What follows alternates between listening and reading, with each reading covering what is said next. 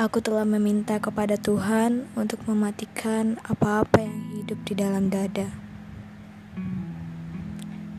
Mungkin sekarang waktunya kata kita kembali menjadi aku dan kamu.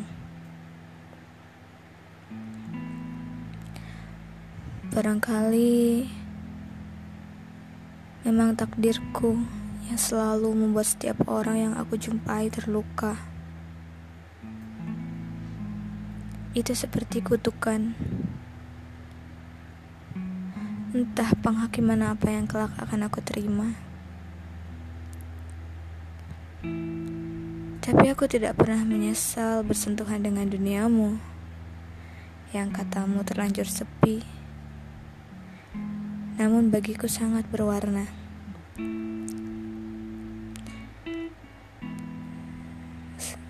Sepertinya cerita kita memang perlu usai sampai di sini.